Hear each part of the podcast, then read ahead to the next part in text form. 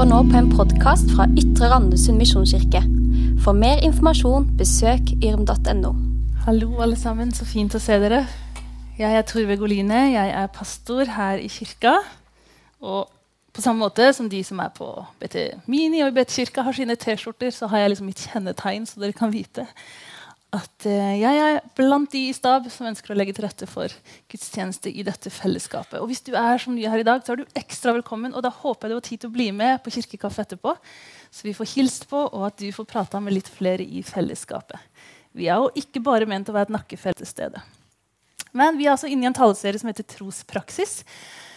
Og jeg er veldig inspirert av denne Stian Kilde Aarbrot som vi skal ha 13. oktober, som både har skrevet 'Kunsten å forme livet' om plastisk teologi, og nå en bok som heter 'Høre gjøre', om hvordan denne troen som vi av og til kjemper med og av og til bekjenner oss høylytt til, hvordan skal den se ut? Og Vi sang det i en av de første lovsangene. Jesus, du fortjener jo mer enn mine ord.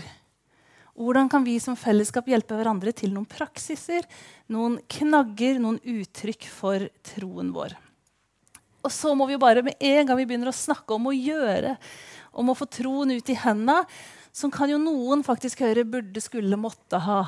Og Derfor har vi alltid bildet med nåde her framme. For først og fremst så har vi også sunget om han som sa at det er fullbrakt. Så det er ferdiggjort. Vi kan ikke legge noe til at du er frelst av bare nåde. Det er ved tro, ikke ved gjerninger, for at ingen skal rose seg av seg selv. Så alt er bare Guds nåde gjennom Jesus Kristus, at vi får lov til å tilhøre Han både i gode og dårlige tider. Og så skal vi i dag da snakke om en trospraksis som vi har tenkt på som selve hjerteslaget og pulsen og blodomløpet i et trosliv, nemlig bønn.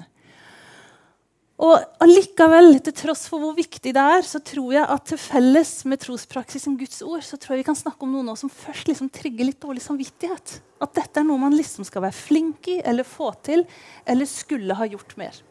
Så jeg håper at det vi skal snakke om både i undervisninga, og så gir vi jo alltid ut en undervisnings-YRM-pod om samme tematikk, heller skal være med å oppmuntre til oh, hvordan kan jeg øve litt på dette. Hvordan kan dette se ut for meg nå, der jeg er, og der troen min er nå. Og Det første jeg vil si om bønn, det er at bønn det handler om en relasjon. Og en venn du ikke snakker med lenger, må vel strengt tatt defineres over til bekjent. På hils.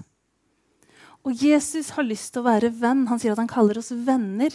Og da ønsker han også den samtalen. Og bønn er først og fremst en samtale hvor jeg som oftest snakker litt for mye. Men det spennende med bønn er at han også kan snakke med oss.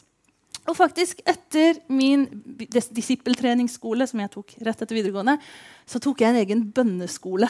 Slå den. Tre måneders bønneskole hvor vi praktiserte og øvde oss på og lærte masse om det å be. Be på ulike måter, eh, inspirert av ulike nasjonaliteter og kulturer. Men også ikke minst ut ifra hvordan Guds ord lærer oss å be.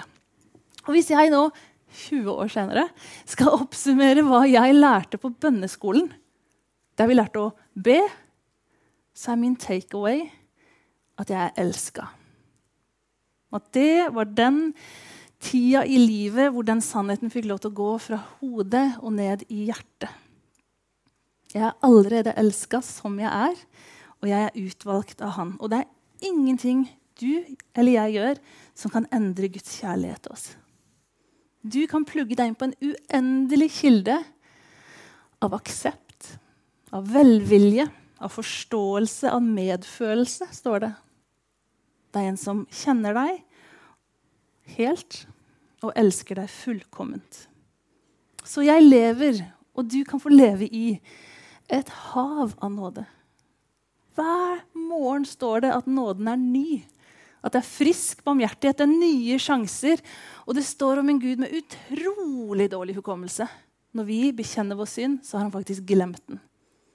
Så du kan få lov til å velte deg i nåde. Og jeg har tre stykker hjemme som har lært meg enda mer både om nåde og om kjærlighet. Og akkurat nå så er det Benjamin på to år som ofte jeg understreker ofte kommer til meg og sier han, 'Mamma, Benjamin knusa.' Å, har Benjamin knust noe? Ja, Benjamin knusa. Og så er det å ta han i hånda, så skal han vise meg hva han har knust. Og det har ofte vært litt kjipe ting han har knust. Men vet du hva jeg elsker? Han kommer til meg i full forvissing om at det går bra. Jeg kan fortelle mamma hva jeg har knust, og så kan hun rydde opp. Og så blir det ofte kos og klem på slutten. Og Benjamin er utrolig sikker på at han er elska. Ofte så sier han det som det siste i bilen. 'Mamma elsker Benjamin', sier han. Og så fortsetter han. Og pappa elsker Benjamin. Og Dassus det er altså Jesus, Dassus elsker Benjamin. Og når jeg tenker på hvorfor Jesus vil at vi skal bli som barn igjen, så tror jeg det er noe av Benjamins trygghet i at du kan komme til et sted med det som ble knust. Ikke sånn som vel skjer med noen av oss som får litt eldre barn, eller som vi kanskje gjør sjøl. Å, knuste. Hvordan kan jeg liksom bare skjule at det har skjedd?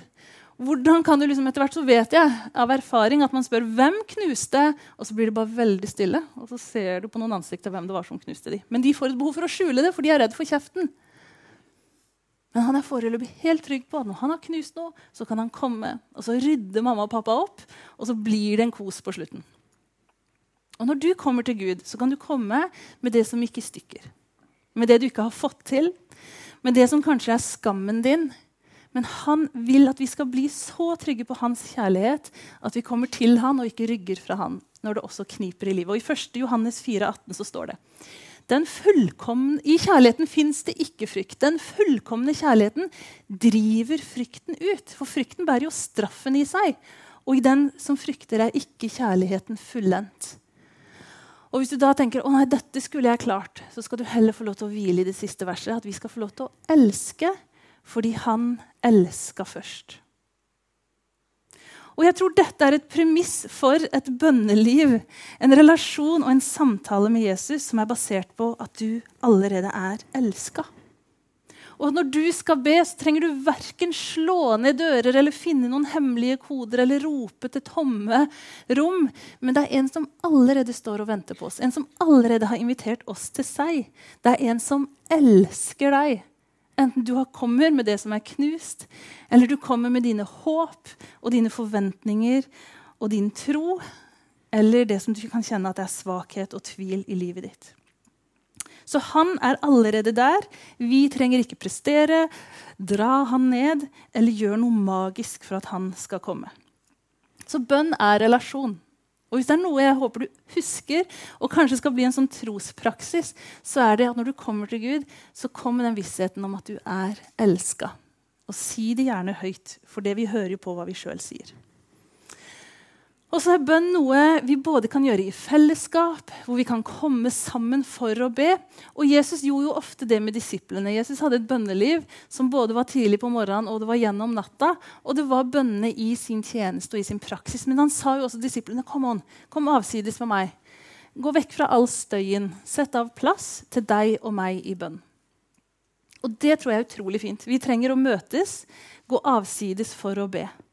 Og så tror jeg samtidig vi ikke må utsette bønn til når det passer. Når det er helt stille rundt meg, når det ikke skjer noe på telefonen, hvis det passer sånn at jeg kan gå til det stedet hvor det bes. For da tror jeg at det kan bli lite, lite bønn. Men hvordan kan jeg ta bønnen inn i mitt kaos, i mitt hverdagsliv, i det jeg allerede gjør? Og Guds ord oppmuntrer til det, og nesten som en litt sånn be alltid. Hold ut i bønn. Vær i bønn. Og da tror jeg ikke det er bare at vi skal stenge oss inn i et bønnerom, men hvordan kan vår hverdag også være prega av den relasjonen til Jesus? Og jeg tenker nesten at vi kan ha en sånn holdning av bønn. At det handler mer om en sånn 'God morgen, Jesus'. Og så tror jeg at et lite påfyll av Guds ord, enten det er i bil på vei til jobb eller du leser et vers ved frokostbordet, det kan være litt bensin til bønnelivet. Da har du noe du kan tenke på, eller noe du kan be. Og så kan Jesus være med gjennom hverdagen din. Og jeg tar meg ofte i å si høyt Å, Jesus. Det er i frustrasjon eller i sinne eller virkelig et bønn om hjelp. Eller at jeg nesten bare glemmer meg, og så glipper det ut. Og da kom det for ikke så lenge siden Malin på fem år som bare Åh, mamma, snakker du med Jesus nå igjen? Ja, sa jeg. Jeg trenger han egentlig hele tida. Men det er ikke de store ord, det er ikke de lange bønner. Men det er den derre Jesus, du er her. Og jeg trenger å ha den derre ruta åpna opp hver eneste dag. Så en hellig vane i forhold til bønn det er å invitere han fra begynnelsen av dagen inn i ditt liv, inn i din indre dialog, inn i det som kanskje kan være ditt stress. Så tror jeg at vi kan lage oss noen gode vaner som handler om bønn, som ikke er gå avsides og sette av masse tid. Men hvordan kan vi be når vi allerede gjør noe eller allerede skal noe? Og det er en amerikansk forsker som har lansert begrepet 'meanwhile habits'. Altså vaner du har, du kan lage deg mens du allerede skal gjøre noe, eller du allerede venter på noe. Og Han nevner som et eksempel at noen av oss står og venter på at garasjeporten skal åpne seg. Hvem skal du be for å velsigne mens du venter på at garasjeporten skal åpne seg? En venninne av meg har en sånn, Hver morgen så er det kaffe, og det er en sånn trykk på en knapp-kaffe. Og mens hun venter at koppen blir full, så har hun to mennesker hun alltid ber for mens hun venter på morgens kaffe. Og biltur er for mange sånn, et lite hellig rom hvor jeg likevel må fra A til B. Hvordan kan jeg få noen vaner? Og sannheten er at Når vi knytter vaner, ønsker, verdier, holdninger til en handling, så vil det etter hvert bli så innarbeida at du nesten uten å tenke deg om trykker på kaffeknappen, og så kommer bønnen. For vi er blitt veldig godt vant til kaffe på morgenen. er vi ikke det? Men det var også en vane vi har tillagt oss. Så det kan vi bli oppmuntra det å be mens vi allikevel venter på noe annet. Og da tror jeg på litt sånn rutiner. Ikke bare den fribønnen, for da handler den ofte om meg. Men hvem kan jeg be for? Hvem kan jeg velsigne? Hvem kan jeg løfte fram til Gud mens jeg allikevel skal eh, gjøre eller vente på noe annet? Og så tror jeg at bønn det, er, det ser veldig ulikt ut ut ifra hvilken personlighet og hvilken type vi har snakka om åndelig styre eller type spiritualiteter vi har. Så noen vil jo oppleve gudsnærværet i ulike omstendigheter og ulike situasjoner. Og det da inkluderer Jesus i det og si at nå kjenner jeg deg. Og nå har jeg lyst til å takke deg for det. Du kan bli gira og se liksom barnehageflokken det du kommer for å hente din lille, som kommer deg løpende i møte. Takk, Jesus, for at du alltid kommer meg løpende i møte. Så den fribønnen, den som skjer mens livet skjer, den tror jeg kan være en god sånn puls, noen sånn gode pulsslag i livet vårt. Og også som familie så trenger vi å øve oss på å, vi, kan, vi, har jo denne kjøreturen likevel, og det trenger ikke være de lengste bønnene, men vi ber på vei til skolen. Vi ber når vi skal ut og kjøre på tur, eller vi ber når noen er syke. Og da Jesus ble bedt om hvordan, lære, hvordan, ber du, Jesus? Kan du lære oss å be? I Matteus 6 så ga Jesus oss bønnen 'Vår Far'. Og Den uttrykker jo en sånn ramme for bønn. Noe som uttrykker kanskje hjertet i det Jesus ba når han var sammen med sin far. Og det er en fin bønn. Og nå må noen av oss lære oss den litt på nytt. må vi ikke det? Jeg har klart å lære meg den på nytt ved å be den på senga med, Malin. Sånn at hun arresterer meg når jeg begynner på Fader vår. Det er ikke det, mamma. Det er vår far. Men det å be sammen den bønnen som Jesus lærte oss, skal vi gjøre seinere i gudstjenesten også.